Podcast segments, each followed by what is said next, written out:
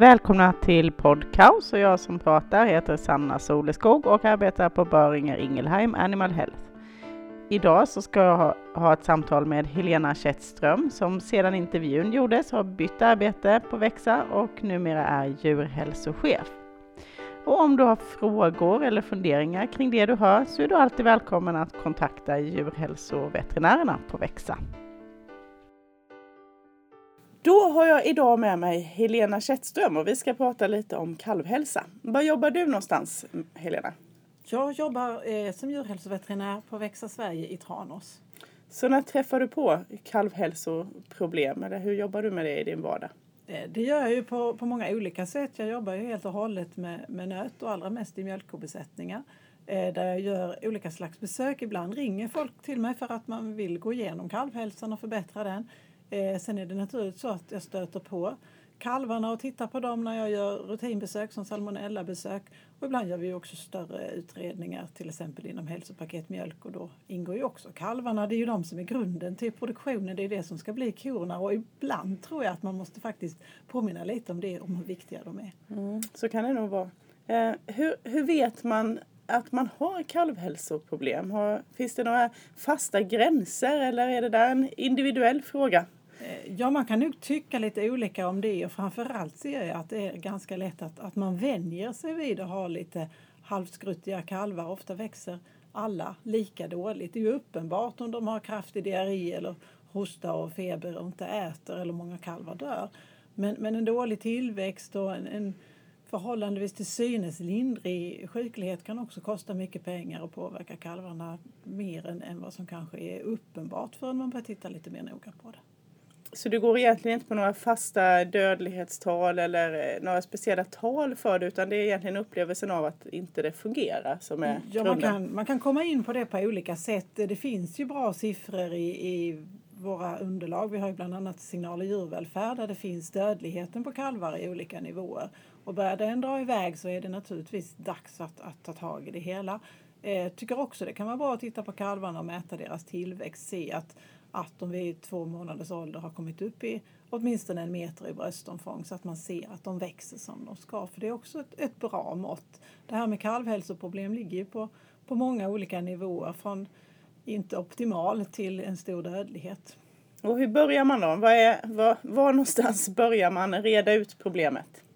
Jag vill alltid börja från början för att det är faktiskt så att det allra första dygnet eller de allra första timmarna är otroligt viktiga att kalven föds i en bra miljö, i en lämplig kalvningsbox som är ren och desinficerad och sen att den får råmjölk. För råmjölken eh, fungerar inte det, då kommer inte det att funka sen heller utan att den får det i tid och råmjölk av tillräcklig kvalitet också. Har du någon uppfattning om hur råmjölken ska ges? Om det ska sondas eller om eh, de ska dia själv eller hur? Jag, vet, jag ser ju av erfarenhet att det fungerar på olika sätt. Det som, det som är väldigt viktigt är att man inte lämnar det åt sitt öde och tror att det funkar själv utan att man verkligen följer upp att, att alla kalvar får råmjölk. Antingen att man sondar eller att man ser att de diar och blir runda och fina men, men att, att man har ett, ett sätt som man själv känner sig trygg med och att, att man är, är noga på den här punkten. Mm, och sen då vidare i uppfödningen om man ändå har lyckats med en ganska bra start med råmjölken. Eh vad kan man se då på? Vad kan vara problemområden? Eh, det som är vanligt är att man inte har tillräckliga marginaler här. När till korna så brukar man ju säga att man ska ha fullt i stallet för bästa ekonomi. För kalvarna, åtminstone de yngsta, är det lite tvärtom. Att man måste ha tomplatser som kan eh, stå rengjorda och torka för att minska smittrycket eh, innan det kommer dit nya kalvar. Och att man också har tillräckligt mycket ensamboxar hela tiden Både för att klara tomplatserna och absolut inte börja knö ihop fler kalvar än en i, i en ensambox. För att har man dem där och kan ha dem tillräckligt länge och absolut minst en vecka eh, så att man ser att de kommer igång och dricker bra så är det också lätt att väldigt snabbt fånga upp de kalvar som, som av olika skäl inte riktigt hänger med. Och sätter man in insatser i tid så går det ofta bra men de här små försämras ju väldigt fort. Mm. Och eh, om du då kommer med bra råd eh, men, men lantbrukaren eller djurskötaren, liksom, det, det händer ingenting och idag är man pressad ekonomiskt och det finns anledningar till att man inte kan investera. Vad, hur gör du för att det ska hända något? Blir du aldrig trött och frustrerad över att inte saker sker? Det är klart att det är jobbigt om inte det händer någonting men, men det man får komma ihåg är att det finns kanske inte ett sätt utan man måste möta personerna på gården utifrån deras infallsvinklar. För en del är det ett väldigt effektivt sätt att, att sätta pengar på det, att göra klart för dem vad det här faktiskt kostar. Och där kan man då igen titta på signal och djurvälfärd. Och tittar man på kalvdödlighet så blir det ofta inte så stora pengar. Men då brukar jag påminna om att det här följer ju med hela vägen. Har inte kalvarna mått bra så ser vi ofta en betydligt förhöjd inkalvningsålder. Och då börjar det kosta pengar när kvigorna kalvar in sent. Man har onödigt många ungdjur som står och växer och lång tid som de inte tjänar några pengar. Det kan vara ett sätt att nå folk.